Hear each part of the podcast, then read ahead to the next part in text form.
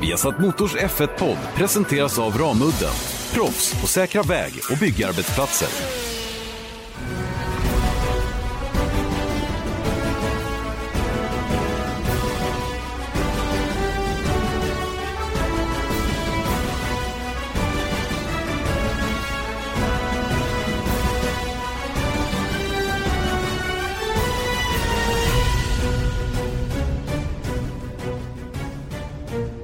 Viasat Motors Formel 1-podd är tillbaka igen med perfekt ljud. Vill jag först tillägga, den här gången. Du ropar inte, inte hej igen. Jag ska inte, inte göra det. Alltså, jag har inte sett slutresultatet. Vi sitter ju faktiskt och spelar in i nuläget. Va? Men, men jag tror jag kan garantera bättre kvalitet än förra veckan i alla fall. Även om jag har gjort en ny version som ligger uppe nu på förra veckans avsnitt som är lite uppstädat och klart mer lyssningsbart. Strunt i det. Vi har en ny vecka och en ny podd. Eh, säsongen är över, det bryr inte vi oss ett dugg om utan vi kör på. Eh, vi kommer att prata det här Fia Prize Gala som, eh, som var på, på Louvren i Paris där man delade ut priser till höger och vänster till de som har förtjänat det under året. Inte så mycket de uppenbara, vem som vann VM, vem som kom två och så vidare, utan vi, vi tittar lite grann på, på de, de omröstningar som också gjorde och, och vad det ledde till. Vi har fått förfrågningar om att prata om eventuella nyheter till 2020. Det blir en ganska kort bit i dagens podd för att det är inte så mycket. Men vad det är, det ska vi gå in på. Eh, vi ska prata lite 21 också. Andy Green som är teknisk direktör hos Racing Point har ju uttalat sig så att uh, han menar på att de här bilarna som kommer 21 kommer att bli a nasty piece, a nasty piece of car to drive. Eh, vad menar han med det? Det ska vi försöka gå in på också lite grann då i den mån vi kan som lekmän. Eh, och sen så eh, har ju eh, eh Mattia Binotto, då, teamchef hos Ferrari, pratat lite grann om varför de förlorade VM i år. Inte direkt på banan enligt honom, utan det skedde egentligen tidigare än så. Eh, World Motorsport Council har eh, kommit med lite nyheter också, eh, som vi också kommer att gå igenom. Och sen ska vi lukta lite grann på det här med Lawrence Stroll, pappa till Lance Stroll, som nu är sugen på att köpa in sig i Aston Martin. Vad kan det här få för eh, återverkningar framöver. Kommer det att bli en British, eh, eller English, vad heter det, British eh, Racing Green bil från Racing Point framöver, eller vad tror du Erik? Vi får väl se när vi kommer ner dit, för det känns mm. som att det kan bli ganska, om man, titt, om man bara tittar på ditt löp så känns det som en lång podd. ja, absolut, det kan det bli. Det kanske var ett långt och jobbigt löp bara. Mm, kanske. Ja. ja, jag sitter hos eh, Porsche Ja, du är där ja. Du är där ja. Du har haft lite möte ja, inför, uh, inför säsongen 2020 antar jag. Mm. Carrera Cup Scandinavia som vi ska fortsätta sända i, på Viaplay som huvudavsändare men även förhoppningsvis i, i tv och tittat lite på hur vi ska göra det och så. Så att uh, ingen rast, ingen ro. Nej, det ska inte vara, det ska inte vara vila och ledigt än. Det, det får man vänta med. Det är ju en bra jul i år. Eh, det är rätt många lediga dagar utan att man behöver ta jättemycket ledigt för mm. alla som har inom citat vanliga jobb. Mm. Vilket jag inte har. Arbetstagarjul. Exakt. Det. Ex ja, det kanske gör ja. Det, mm. det kanske är ett begrepp till och med. Mm. Och sen så är det arbetsgivarjul när det är, du vet, julafton är på lördagar. Och sen mm. så, och då blir nyårsafton också på en på lördag. lördag. Just ja. det, så är det ju. Det är, så det är bra om ja. man är företagare. Tydligen.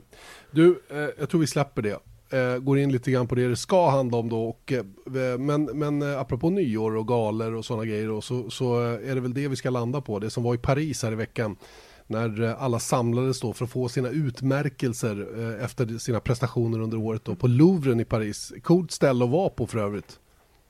Ja, absolut. Om man hade fått vara där.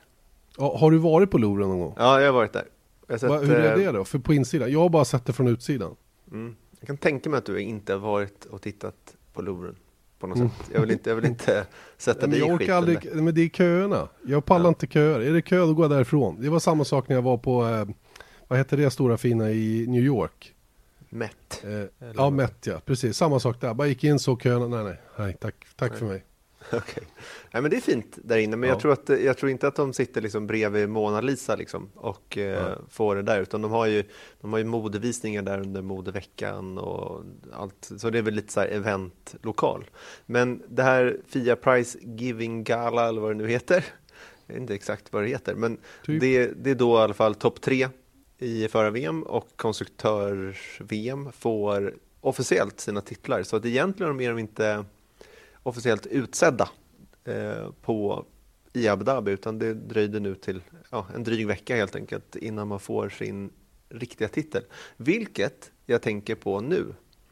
inte det lite konstigt? Du vet när man vinner Stanley Cup i hockey, mm. då står ju Stanley Cup där. Och jag tror det är därför de där, vi, pratade, vi nämnde det här för några poddar sedan, att de här pokalerna som man får, jag menar VM-bucklarna, jag känner igen den här förar, liksom det är som en vas ungefär.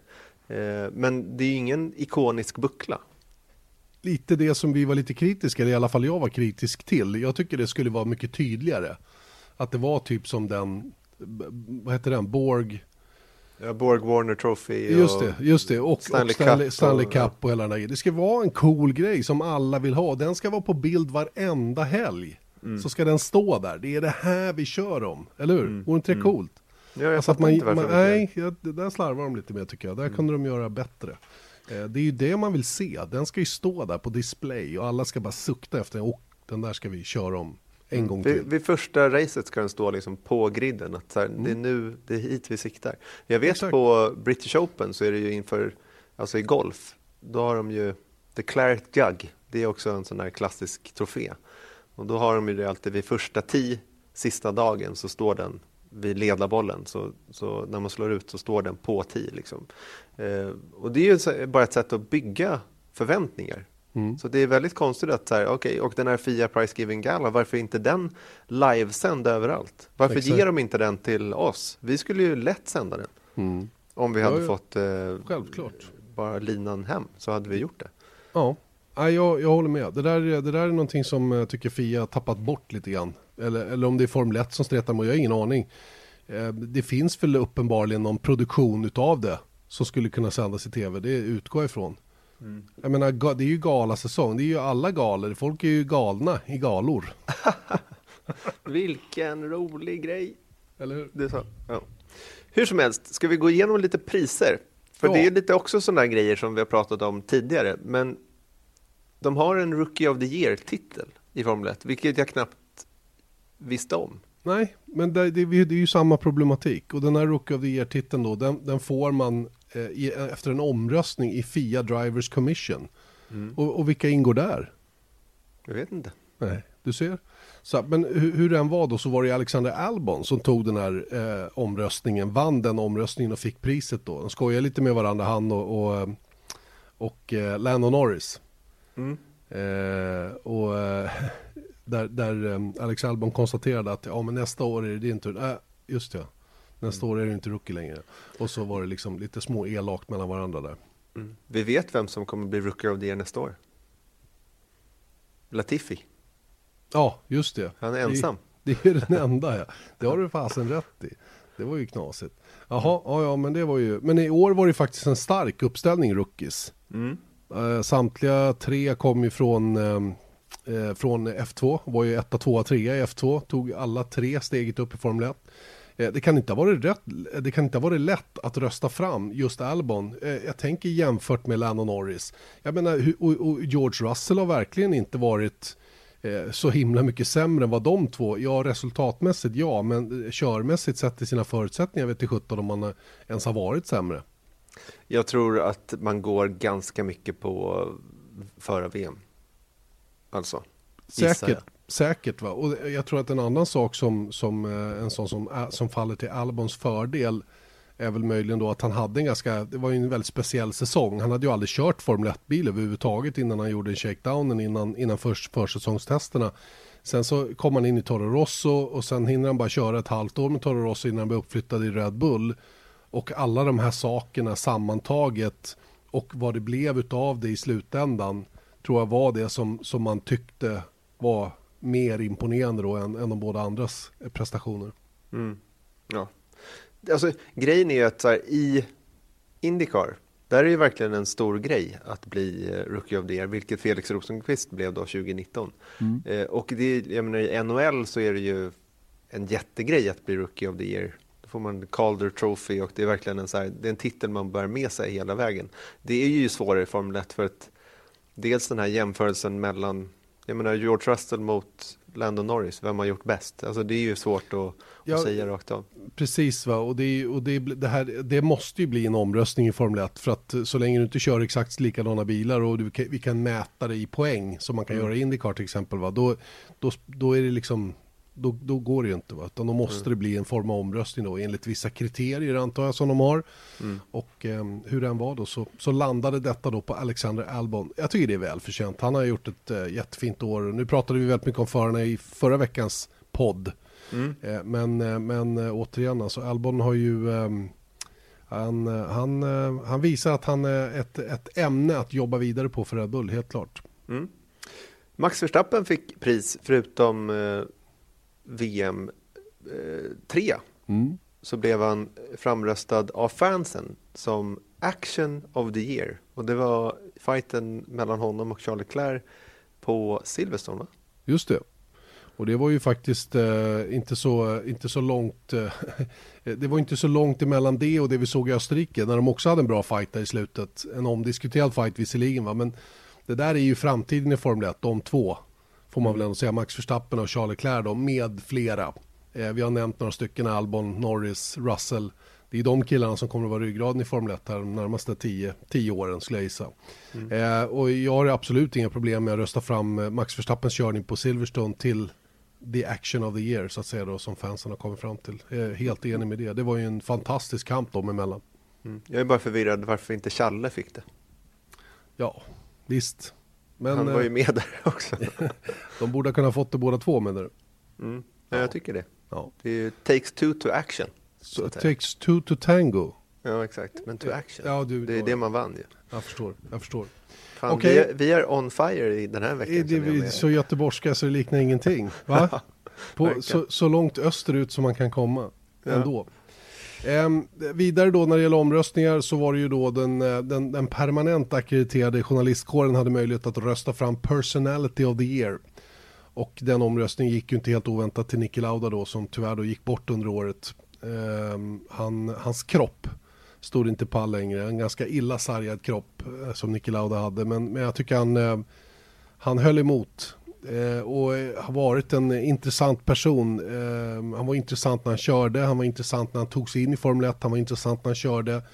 Var med om en massa obagliga saker, kom tillbaka, vann VM, hängde kvar i sporten, startade flygbolag. gick lite sådär med flygbolagen, var med i Jaguar, han var hos Ferrari, han var hos Mercedes här på slutet. Kanske den, den mest, vad ska vi kalla det, den, den mest påverkande personen då när det gällde att få in Lewis Hamilton i Mercedes-teamet då och hur det har slutat det vet vi numera ganska stark framgångssaga minst sagt som jag tycker nästan man kan likställa med flytten som Schumacher gjorde från Benetton mm. till, till, till Ferrari då som hade nästan, ja, som hade en lika stark svit så att säga. Mm. Det har ju visat sig vara det i alla fall. Sen mm. tycker jag att eh, Charlie Whiting, han, han gick ju tragiskt bort då inför premiären i Australien eh, av en blodpropp och han har faktiskt fallit lite i glömska under året, vilket jag ändå reflekterat över att eh, jag kan ta på mig själv där att jag, jag, glömde faktiskt bort honom när vi skulle mm. liksom göra de här Viasat Motor Awards, att även Niki Lauda, men Charlie Whiting var ändå en väldigt stor på, liksom, han har varit verkligen påverkat Formel 1 oh, under ja. väldigt, väldigt lång tid. Oh ja, oh ja. i massor av olika avseenden. Eh, han var otroligt omtyckt av förarna vet jag. Eh, han hade bra koll på sporten efter en lång karriär på annat håll innan han hamnade i den här positionen. Och problemet som det var med Charlie Whiting var väl att han skötte så mycket saker själv. Mm. Eh, och det tycker jag man har sett lite grann att det, det, det, det blir ju lite spretigare så att säga då när Michael Masi kanske sköter bara en del av det Charlie Whiting gjorde på egen hand. Och, arbetssättet har blivit lite annorlunda och så vidare. Men jag håller med dig, det, det är nästan lite synd att, eh, att, um, att han har fallit bort lite grann, Charlie Whiting. Nu var det den här cykeltävlingen då i Abu Dhabi då som var till hans minne. Eh, där man fick ställa upp där till och med vi var anmälda men inte hade möjlighet att vara med sen på slutet. Um, men det var ganska liten då, sett till, visst det, var, det gjordes ju någon uh, liten, um, vad ska jag kalla det för, um, jag vet inte vad det kallas, men man gjorde en liten sån minnesgrej då för Charlie Whiting då precis när det hade hänt då i Australien. Mm. Men i övrigt så har det inte varit någonting egentligen runt omkring det och uppenbart är det ju någonting man vill. Mm. Man vill inte highlighta just den delen utan man, man, eh, ja, man, business as usual skulle rulla på. Jag tror att alla inblandade har nog eh, varit liksom medvetna om, om Charlie Whitings förlusten av Charlie Whiting, hur du har påverkat sporten. Mm. Ja. Intressant i alla fall. Eh, sista ja, priset som vi tar upp i alla fall var att eh, Mexiko blev utsedd till Race Promoter of the Year, alltså promoter för sitt eh, Grand Prix i Mexico City för femte året i rad. Ja, fascinerande, fascinerande verkligen med, med Mexiko, Mexico City-racet där. Eh, denna eh, mer eller mindre omöjliga plats att vara på eh, och ändå så fantastiskt god stämning. Ehm, på, inne på arenan är det ju helt magiskt faktiskt att vara eh, och, och liksom känna trycket som de lyckas skapa där inne. Va? Årets, eh, årets eh, grej, eller ja, bara ta det här med podiet som de får beröm för. Att mm. de har flyttat och gjort en speciell grej med den här discjockeyn som spelar efteråt och hela den här avslutningen på varvet, den här um, stadiondelen där som, som erbjuder också som fantastisk inramning. Och jag vet ju, vi har pratat med flera förarna hur de känner när de åker på, eh, på förarparaden genom där och, och trycket som är. Det, det, upplever de inte på någon annan bana för alla kommer så nära på något sätt. Va? Mm. Det är ju som att gå in på, på Wembley. Mm. Inför, eller på, på, på Nou Camp eller Camp Nou eller vad det heter för 100 000 pers. Och liksom känna trycket där inne. Va? Ja, absolut. Välförtjänt kan man säga. Mycket. Också. Ja, det får man ändå säga. Jag vet inte vem som skulle kunna konkurrera med dem när det gäller det, ärligt talat. Det är, det är möjligen Austin, som jag också tycker gör ett himla bra jobb med att, med att promota sitt race. Mm. Eh, de andra liksom rullar på. Eh, det, det, är en av de få sakerna som, som jag, eller en av sakerna som jag kanske inte är hundra nöjd med i år. Det, det, det måste jag säga, tusen race-firandet i ja, Kina. Herregud, vad, vad var det som hände? Va? Snacka om buklandning alltså, jag fattar ingenting. Man Nej. pumpade och byggde det där och en annan grej som jag upplevde som väldigt, väldigt flat och tråkig, det var ju det där, de skulle köra liksom igång säsongen i Melbourne, det var ju bara dött. Mm. Visst, det var lite folk runt en scen och hej och så, men det, var, det finns ingen hjärta i det på något sätt eh, från Formel 1 själva. Det kan jag tycka är tråkigt ärligt talat. För att det, det, och det hänger ihop med det här med att eh, det, pokaler, man vet knappt att pokalerna finns som de kör dem och så vidare. Va? Så att, eh, mm. äh, det, där, eh, det där tycker jag är konstiga grejer med Formel 1 ärligt talat. Mm. Det är ju det, det ju, finns ju mycket mystik runt Formel 1 men det finns ganska vitala delar i Formel 1 som skulle kunna byggas på helt annorlunda sätt för att mm. bygga den här musiken ännu mer. Är det ett bra slutord för det här ämnet? Jag tycker det. Jag mm. tycker det. Vi stänger den, vi stänger den buren. Mm. Eh, och eh, tar oss in på nästa ämne då. Som, eh, vi fick faktiskt någon, det var någon som frågade, efterfrågade nyheterna inför 2020. Det har ju pratats så himla mycket om 21. Men vad händer egentligen redan till nästa säsong? Och som, vi, som vi sa redan i löpet där, det, det, blir inte speciellt lång del där för att det är inte så himla mycket som händer ärligt talat. Nej men det är ju det att man har, och det finns ju ett oro då runt det här då i och med att det är en så himla stor stort steg som Formel 1 ska göra som sport och som alla teamen, alla deltagare ska ta ett jättekliv till 2021 eh, med nya reglementen, nya raceformat och, och allt vad det är. Det som är nytt till 2020 och det tror jag är kanske en effekt då varför det är så pass lite förändring till 2020 är just i väntan på 2021 att man vill liksom inte ge teamen eh, för mycket att tänka på för de har nog av den varan till 2021. Visst. Ehm, så att det är detaljer som kommer. Det är alltid, varje år så blir det lite annorlunda grejer. Eh, en, en grej är ju att eh, vi kommer ha 22 race istället för 21 som i år. Ehm, Tyskland faller bort och istället så kommer Sandford till Holland, Hollands Grand Prix och eh, Hanoi i Vietnam med Vietnams Grand Prix. Det är en nyhet då. Sen så är inte det så, det har ingen påverkan på reglementet förutom en detalj. Just det, alla kommer att få tillgång till en extra MGUK. Ehm, och det är helt enkelt för att man, man behöver det när man kör så pass många race. Och ja, det är helt okontroversiellt för min del. Det är ju bara en detalj i, i det stora hela. Så att, eh, Det är väl bra. Ehm, förr var ju regeln att om man körde mer än 20 race så skulle man få en extra motor. Det tog man ju bort sedermera.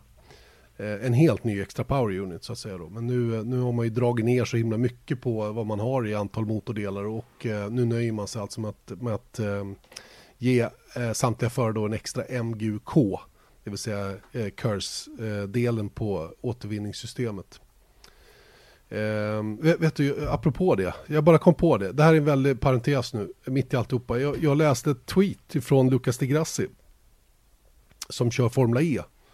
Och han är ju väldigt eh, pro det här och det förstår jag. Va? Det, är hans, det är det han håller på med just nu. Han är väldigt entusiastisk runt el, elracingen och sådär. Han sa att generation 3-bilen, om de nu får till regenereringen utav energi på, på, på det sättet som man planerar så kommer bilen inte att behöva ha några fysiska bromsar. Det är wow. ju rätt fränt faktiskt att elmotorn, är, att elmotorn så att säga bromsar upp ekipaget tillräckligt. Eh, och att det då skulle kunna vara så pass effektivt att man helt enkelt inte behöver ha några vanliga bromsar. Eh, det är klart att man måste ha vanliga bromsar, systemet kan ju gå sönder, men du fattar mm. vad jag menar. Mm. Och, det, och det är lite intressant för när man pratar MGUK så tror ju vi alltid att det har med själva bromsarna att göra. Mm. Men det har det ju inte, utan det är ju också den här, det är ju det är precis på samma sätt, motor, motorbroms helt enkelt, där man laddar upp batteriet med. Och, och det här ska då harmonisera med de fysiska bromsarna. Och det är det som är så himla svårt. Och, och det, är det, det, det, kan skilja från team till team och det är många förarna som har svårt att anpassa från ett system till ett annat. Och det var ju lite det här som, som, eh, som strulet var runt Renault då, när de diskades ifrån Japans Grand Prix då, att de inte hade Eh, eh, deras system var inte tillräckligt mycket i händerna på föraren så att säga. Då. Det användes på ett felaktigt sätt. Då. Mm. Men det är en spännande utveckling. Där kommer det ju hända mycket tror jag, även, även i Formel 1 eh, på det här området. För där finns det uppenbart mer, mer energi att återvinna så att säga då, än, än, vad som, än vad de kan använda än så länge. Mm. Ja, men jag kan förstå det, för att jag kör ju elbil. Va? Mm. Och eh, där kan man ju ställa då, eh, heter det regenerering? Mm. Man kan ställa det. Ja, I den bilen jag har i alla fall. Och då, det är ju, jag använder, alltså när den är på full, full sprut, då, jag använder nog inte bromsarna. Inte ens när jag parkerar. För det är bara att släppa gaspedalen. Så jag kan förstå att det är, det är stora krafter så att säga. Absolut. Ja, jag, jag, tycker det, jag tycker det är lite spännande. Eh, på alla sätt och vis. Och jag också för övrigt, en, jag har en laddhybrid och den funkar på samma sätt. Jag kan ju ha fy, fem olika lägen Inte tror jag. riktigt för, lika. Nej, inte, inte riktigt lika. Nej. Inte riktigt lika coolt som en hel del. Det, det får jag lov att hålla med om. Du, Men du. Eh, sista nyhet då till 2020, eller eh, något så, en icke-nyhet. Mm. Eh, idag kom beskedet att man eh, helt eniga faktiskt teamen, för en gångs skull. Helt eniga om att inte köra de däck som Pirelli tagit fram för nästa säsong. De här prototypdäcken då som var framtagna för att minska överhettning, för att funka bättre eller bli bättre på allt det som däcken tidigare varit svaga på. Eh, det röstar man alltså bort nu från teamets sida. Mm. Och eh, hela den utvecklingsfasen då som Pirelli har gått igenom under året om alla tester som har gjorts och så vidare. Det är ut genom fönstret bara. Mm. Så att jag, ja det, det tror jag inte de är jättenöjda med. Det, är ju, det ser ju inte bra ut framför allt. Att, att, att det blir på det här viset. Va? Men jag, jag har också stor förståelse för varför det blir på det här viset. För teamen var väldigt de hade det jobbigt i början på säsongen i år för att vi hade fått de här nya däcken då, eller ny gamla däcken med tunnare slipbana och det, det ställde till det för ganska många och det tog lång tid innan man började få grepp om hur de här däcken fungerade. Mm. Nu har man kört en hel säsong och så ska man hamna i samma läge igen då. Eh, ja, men alltså, jag, jag, kan verkligen köpa, köpa det också, men jag undrar faktiskt om ens Pirelli är speciellt eh, bekymrad av det här också. För att det som hände i början av 20, 2019, alltså i år, det var inte heller positivt för, för Pirelli egentligen. Nej, nej. Utan de måste ju varenda år egentligen inleda säsongen första tre, fyra, fem racen med att försvara varför de har sådana här däck när de har fått en beställning att göra sådana här däck. Så mm. det blir väldigt konstigt för dem. Och om teamen är så pass nöjda så att de vill köra vidare med 2019-däcken 2020, go for it. Mm. Problemet är att de pratar för mycket om det. Det är ju lite också ett problem som Formel 1 har. De surrar, så det, blir så, det blir så stort allting. Varför kunde, det här hade väl kunnat bara varit där. Man mm. kört lite prototypdäck och så hade man lite i skymundan kommit fram till nej, nej, nej, vi lägger dem där Vi lägger dem på hyllan, vi kör vidare. Och sen är det inget mer med det. det alla vi, vi kör vidare med Pirelli-däck liksom. That's it. Mm. Men det är ju sådana som vi. Det är ju vi som gör att det blir stort. I know. Ja. Så det är ju det som är grejen. Alltså jag tror att, och grejen är att ett problem för däcksleverantörer i motorsport tror jag att det är inte speciellt, jag skulle ändå säga att jag tror det i alla fall, att det är ingen som är speciellt intresserad av däck, trots att det är så himla viktigt för en bils totala prestanda, så är det inte, jag menar, jag gissar att många som lyssnar kan känna igen sig i det jag säger, att börjar vi prata däck, ett helt, en hel podd, ja, exakt, lite så. Vilket är konstigt, för man är ju intresserad av tekniken generellt mm. sett som Formel 1-fan, mm. men däck är liksom på något sätt lite ett avart. Men det är också det som du säger, att teamen, alltså det blir ju självspäkning på något sätt i mångt och mycket att vara med som däcksleverantör i Formel 1. Det är ja. ingen som hyllar däcken. Nej, ja, är de bra då säger man inget. Ja, då är man själv, då, är det jätte, då var man så duktig själv som Exakt. tog hand om de här värdelösa däcken. ja, det är inte lätt. Hur man än gör så har man arslet där bak brukar de säga. Och det väl, stämmer väl rätt bra då på, på det läget som Pirelli är i. Hur som helst så, så blir det alltså 2019 däck även säsongen 2020. Och eh, på tal om det då eh, så kan vi väl glida in på lite det som, eh, det som vi vet ifrån World Motorsport. Eller vi vet också att man har testat igen då eh, 20, 2021 års däck. Det vill säga mm. de nya 18 tums hjulen med en eh, klart lägre profil då. Och eh, det har körts ganska mycket varv nu med just den typen av däck då eh, under, under året i år. Mm, exakt, George Russell körde nu i söndags och igår i måndags. Då var han klar med den testen och då körde han för Mercedes då 18 tums däcken på Jas Marina Circuit.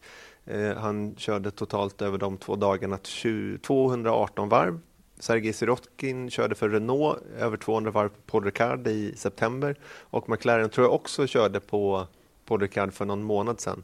Eh, både Norris och Sainz körde väl ungefär 100 varv var så det är i alla fall 600 varv de har data på eh, för 2021-däcken som då ska köra 18 tums däck. Eh, och sen så nästa år så kommer den här utvecklingen då stegras. Eh, de kommer köra 25 testdagar totalt och då kommer alla teamen. I år så var det bara Renault, McLaren och Mercedes som var inbjudna att testa då, men då gör ju det blindo eh, med såna så kallade mule cars för du måste ju bygga om bilen så pass mycket med eftersom en stor del av fjädringen i de här 13 tums däcken sitter i däcken faktiskt. Ehm, så har de, eh, det är de tre teamen som har testat 18 tummarna, men nästa år så kommer alla team vara med på utvecklingståget. Mm.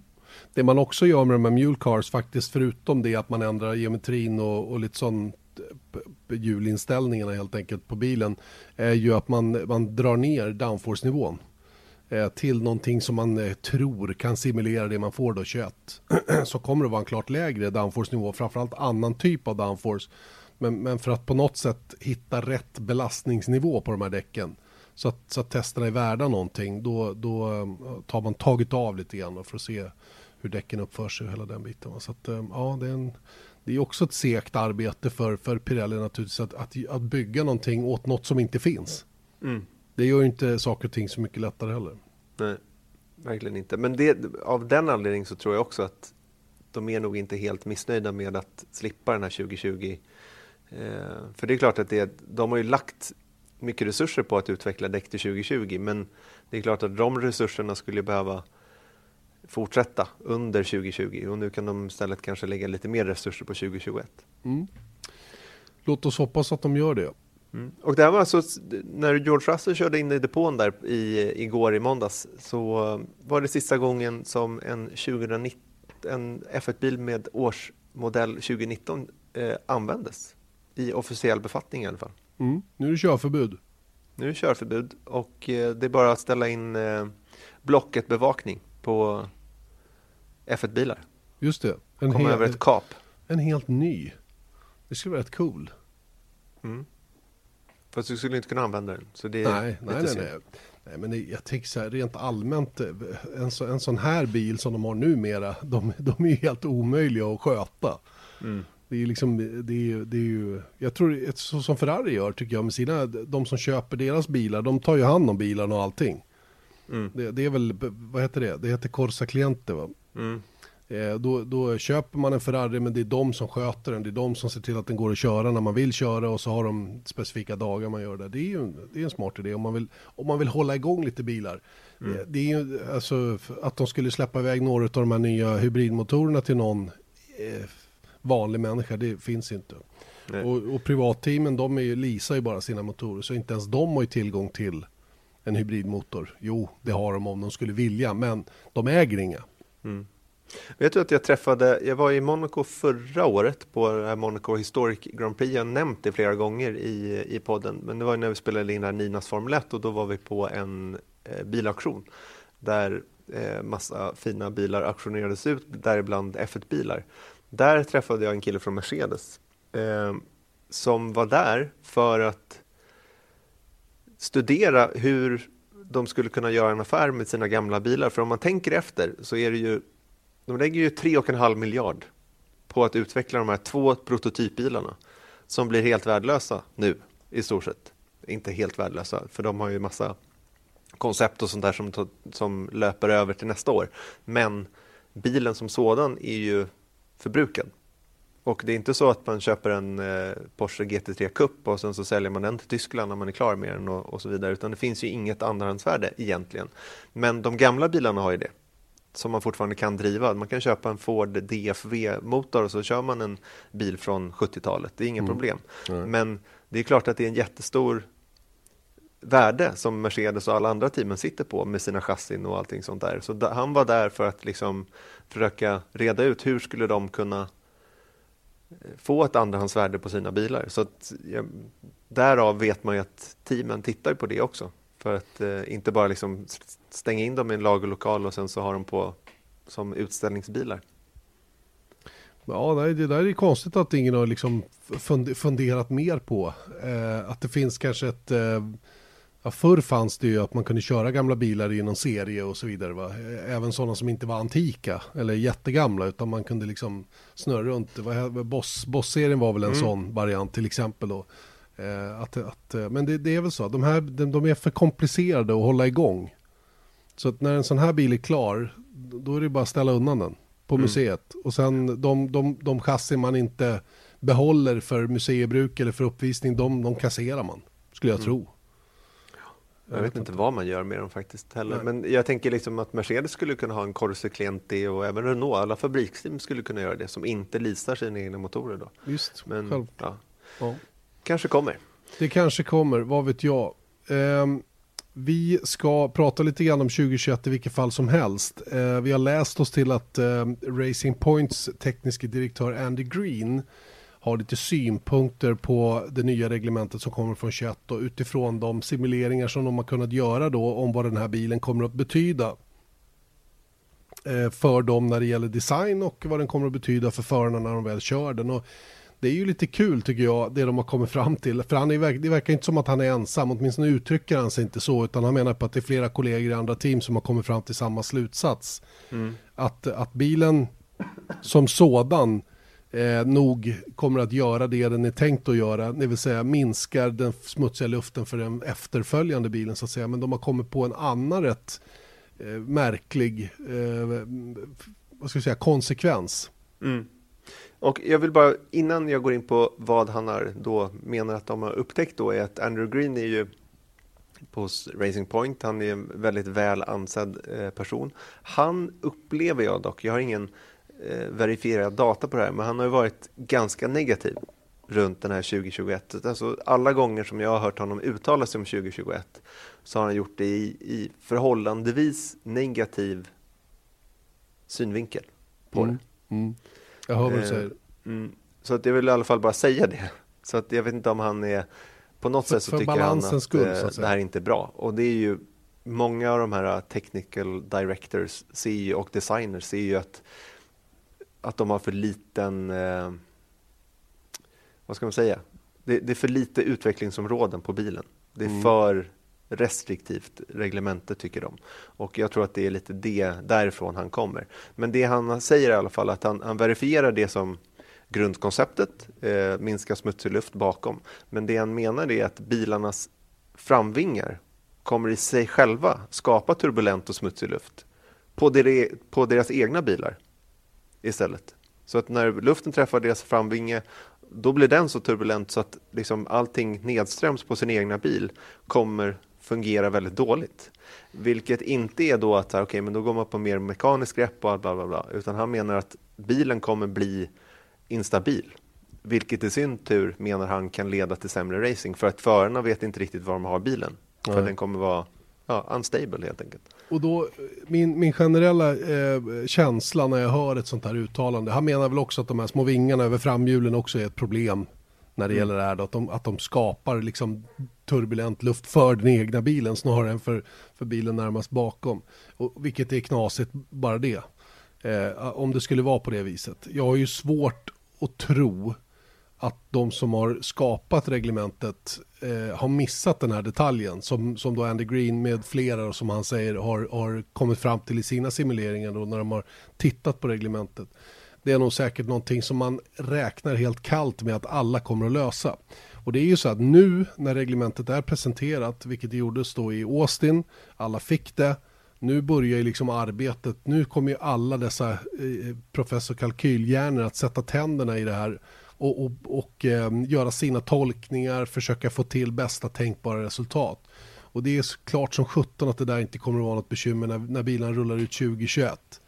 Det, det, det, har de fixat för länge sedan. Så det, det blir lite konstigt tycker jag att han är så tydlig. Och då kommer vi tillbaka till det du var inne på allra först. Att han är inte jätteimponerad över, över att de måste göra den här stora förändringen. För det är ju ett drygt arbete att ändra hela plattformen. För det är ju det man måste göra all, all gammal data det är ut genom fönstret nu. Det är större hjul, det är helt annan typ av aerodynamik, mer ground effect snarare än, än, än downforce-nivåer på ovansidan så att säga. Va? Och allt det här är ju ett supertufft arbete. Och det är klart att alla kanske inte är supersugna på att bara borra ner sig och, och, och liksom med, med pressen som man har.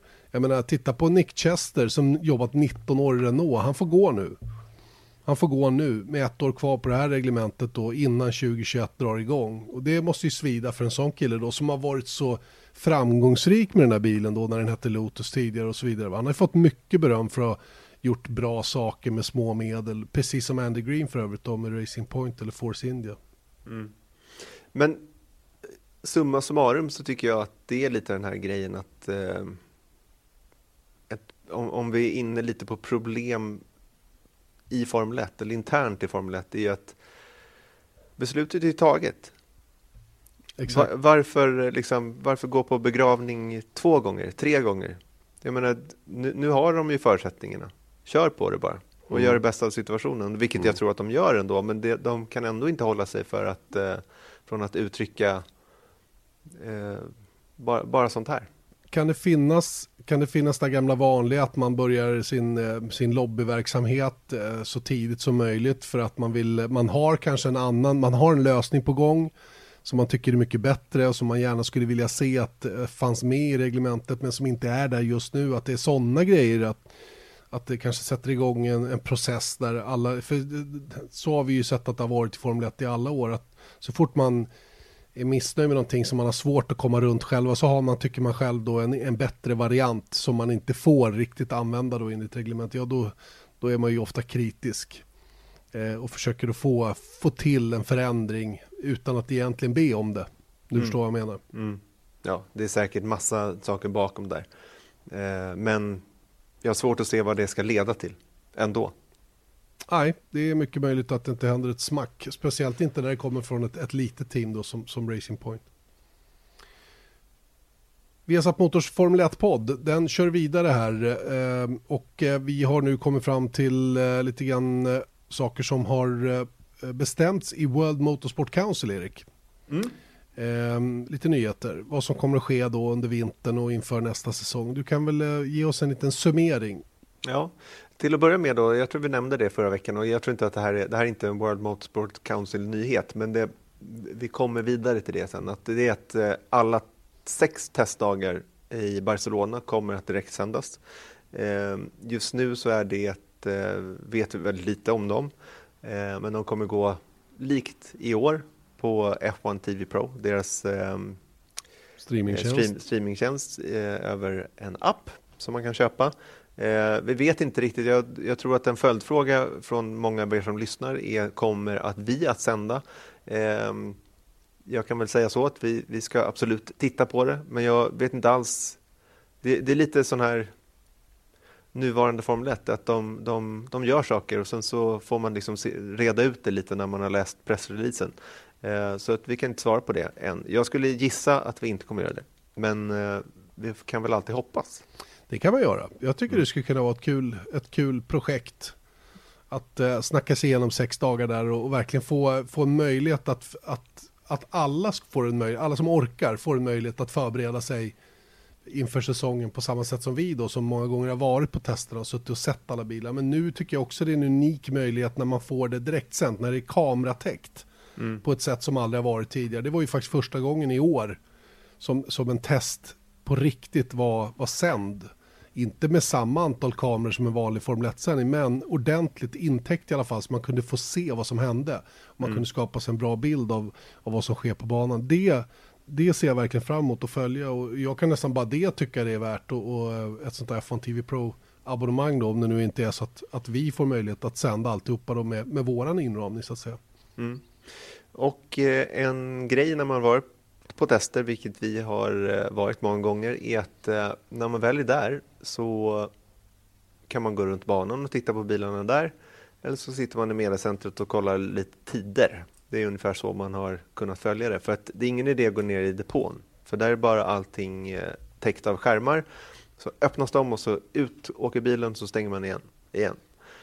Så kommer bilen in efter fem varv och sen så ser man den aldrig igen på en timme innan den dyker upp igen. Men nu har de äntligen gjort ett förbud för att man får inte ha några övertäckta bilar under tester. Så här är, är eh, så de har sagt det på engelska. No screen, cover or other obstruction which in any way obscures any part of the car will be allowed at any time in the paddock, garages, pit lane or grid unless it's clearly any such covers are needed solely for mechanical reasons. Det betyder alltså att man får inte täcka över några delar överhuvudtaget. Och det är till och med när, vet, när någon har kört av så åker den tillbaka på en lastbil och då det, åker mekanikern dit fort som fan och eh, sätter ett, eh, cover på, på bilen så att ingen ska se något. Och nu får de inte göra det. Jag tror, jag tror faktiskt att de får det, för det gör de ju även under en Formel 1-träning mm. en, en, officiell helg så har de ju faktiskt, och det är väl just det här för mechanical reasons, att man lägger någonting över, den kanske läcker någonting eller att det är trasiga delar som man riskerar att tappa bort. Jag tror att man, jag tror att man kommer undan med det faktiskt. Men mm. om du bara har ett stopp, eh, att bilen bara stannat på banan, då, då får den lyftas upp och sen komma tillbaka utan att den, den täcks över med någonting. Mm. Så är det i alla fall och det tycker jag är lite, det, Skitbra. why not? Ja. Skitbra alldeles för länge har det gått innan de kom till den här slutsatsen. Ja.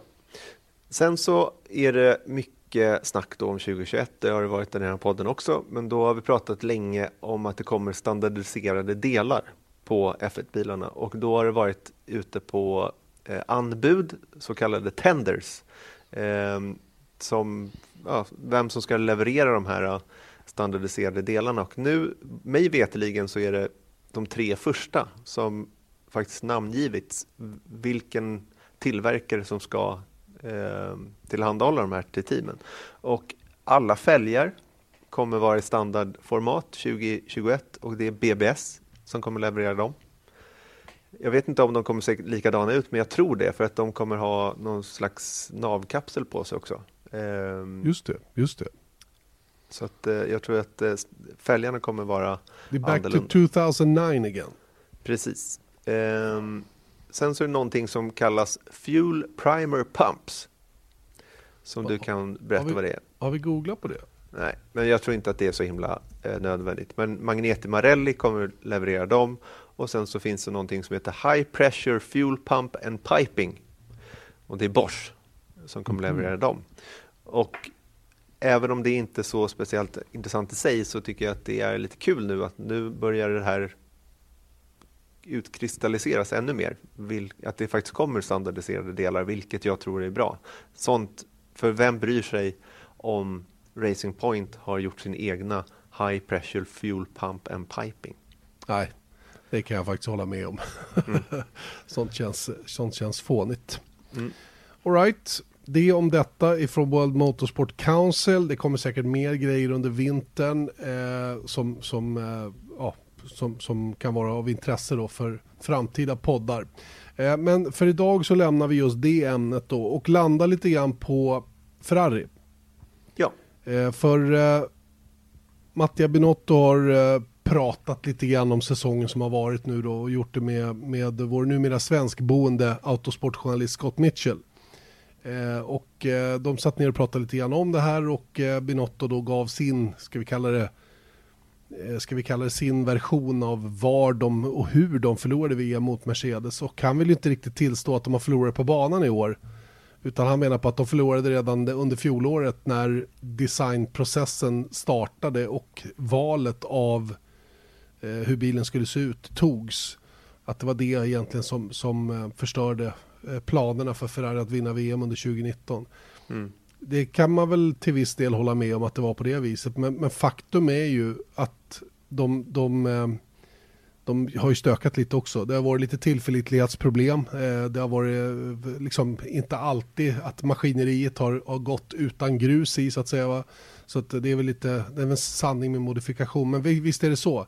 Det är ju mm. när man trycker på knappen för att den här bilen ska vi köra med. Då har man liksom bestämt sig. Och blir det mm. fel, då, då är man gone liksom. Då har man svårt att komma tillbaka. Han var inte heller speciellt imponerad av Eh, deras eh, utvecklingsfart, alltså deras, eh, deras on-track operations då, hur väl man lyckades förbättra bilen under året. Mm. För det är klart att man he hela tiden upptäcker att saker och ting kanske inte är hundraprocentiga. I Ferraris fall var det där med peak downforce. Bilen var helt enkelt för långsam i långsamma kurvor. När den då behöver max generera downforce så, så hade den inte det. Mm. Och, och led ganska svårt eh, mot till exempel då Mercedes, eller i huvudsak Mercedes, men även mot Red Bull många gånger. Va?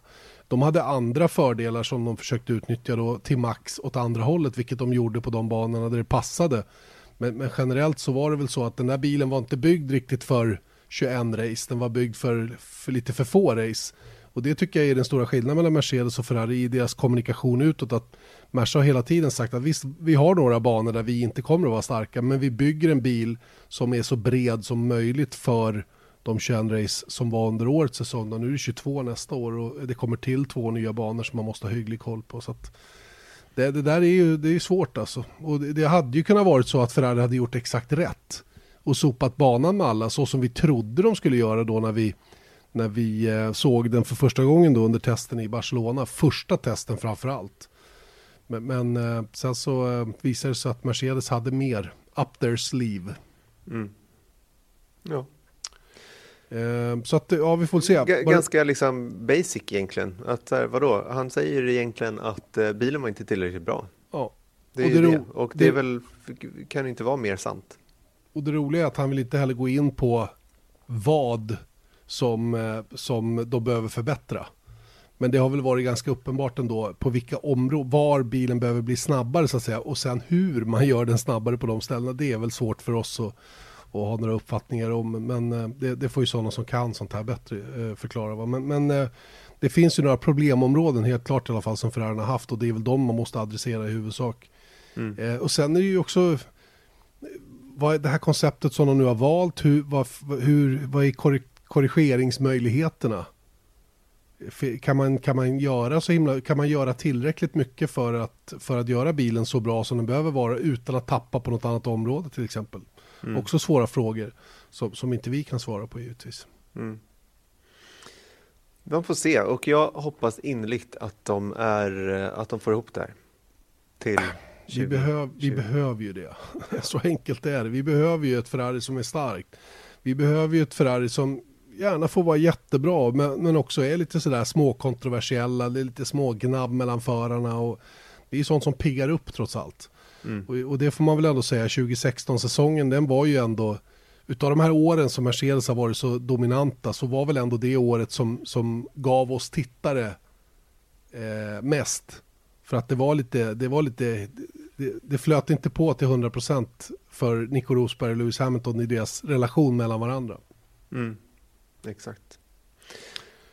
Ska vi gå vidare? Tycker jag. finns lite affärer att snacka om. Ja, Eventuella affärer. eventuella affärer. Vi får se hur det blir med den saken. Men, men Lawrence Stroll, han verkar ju eh, fortsatt väldigt eh, eh, ambitiös kan man Mm. säga med sin Formel 1-satsning. Lawrence Stroll som eh, är alltså pappa då till Lance Stroll, det känner väl de allra flesta till vid det här laget. Lawrence Stroll som alltså tillsammans med ett konsortium av andra kanadensiska affärsmän då köpte eh, Racing Point, eller Force India köpte de ju och gjorde om det till Racing Point. Och eh, det var ju gott nog. Eh, håller på att bygga en ny fabrik. Stor sådan, eh, precis intill den gamla eh, vid infarten till, till Silverstone. Det görs stora investeringar. Man, man laddar verkligen och jag tror att Lawrence Stroll har... Jag tror han på riktigt vill göra det här teamet till någonting som det inte har varit tidigare. Om jag uttrycker mig så då. Mm. Eh, det är svårt att säga att det ska bli toppteam. Jag hoppas att de här teamen, typ McLaren, Racing Point, varför inte Alfa Romeo eller Sauber, vad de nu kommer att kallas framöver, att de skulle kunna bli ett, att de på riktigt, att privatteam också faktiskt har möjlighet att bli riktigt, riktigt bra. Mm. Eh, men eh, nu verkar ju Lawrence Strolls senaste intresse ligga hos Aston Martin. Yes, exakt. Och eh, det är massa olika eh, tidningar och eh, sidor som har då rapporterat om det här att eh, ehm, det verkar som att, apropå Lawrence Stroll och konsortium, så verkar han ha eh, ledat leda ett konsortium då som ska eh, ja, förbereda ett bud på Aston Martin. Ett Major Shareholder Bid. Eh, och eh, det är ju dels då bakgrund till det här då är att Aston Martin sponsrar ju Red Bull och men Aston Martin som bilmärke har eh, de första årets första nio månader har gått med 92,3 miljoner pund i förlust. Ehm, så att det går inget bra för Aston Martin helt enkelt och när de här ryktena kom ut då så ska eh, eh, aktierna ha då gått upp med 17 procent. Då. Så att och då börjar man tänka då på dels att det finns säkert en affär i att försöka driva upp Aston Martin som bilmärke, men man ser ju också då kopplingen till Racing Point då. Att eh, när de nu är involverade i Red Bull skulle de istället kunna bli att Racing Point blir Aston Martin Factory Team. Just det, ett Eh. Formel 1-team. Aston Martin Formel 1 helt enkelt. Mm, exakt. Mm. Och det har ju varit väldigt mycket runt Aston Martin och F1 i många, många år nu. Så att det har varit liksom lite så här duttat hela tiden. Och sen så när de kom in i, i, ehm, i F1 igen då genom Red Bull så har ju det varit lite så här, ja, det är lite lustigt samarbete alltid. När de, för Red Bull har haft samarbeten med bilmärken som inte varit deras eh, motortillverkare under många år. Jag vet att eh, Toro Rosso hade Volkswagen-märken på eh, sina lastbilar i alla fall. Eh, och sen så har de haft eh, Infinity, Red Bull Racing, eh, vilket är väl Nissans eh, Ja. Och det är ju Renault i slutändan alltihopa. Ja. Eh, och, och Renault var ju motor, motorleverantör då. Till, så det är klart att det har funnits Mm. sådana kopplingar hela tiden då. Men man använder plattformen Formel 1 då för att marknadsföra. Och Aston Martin just nu då eh, har ju, är ju med i det officiella teamnamnet då som Red Bull har. Men, men det intressanta här är ju att Aston Martins gatbilar då väl har Mercedes-motorer. mm, Och det har ju faktiskt Racing Point också. Mm. Eh, en, annan sån där, en annan sån där sak som det pekas på då när man pratar om den här eventuella affären om den skulle bli av. mm, Jag tycker, jag generellt tycker jag bara att det är kul att Lawrence Stroll laddar.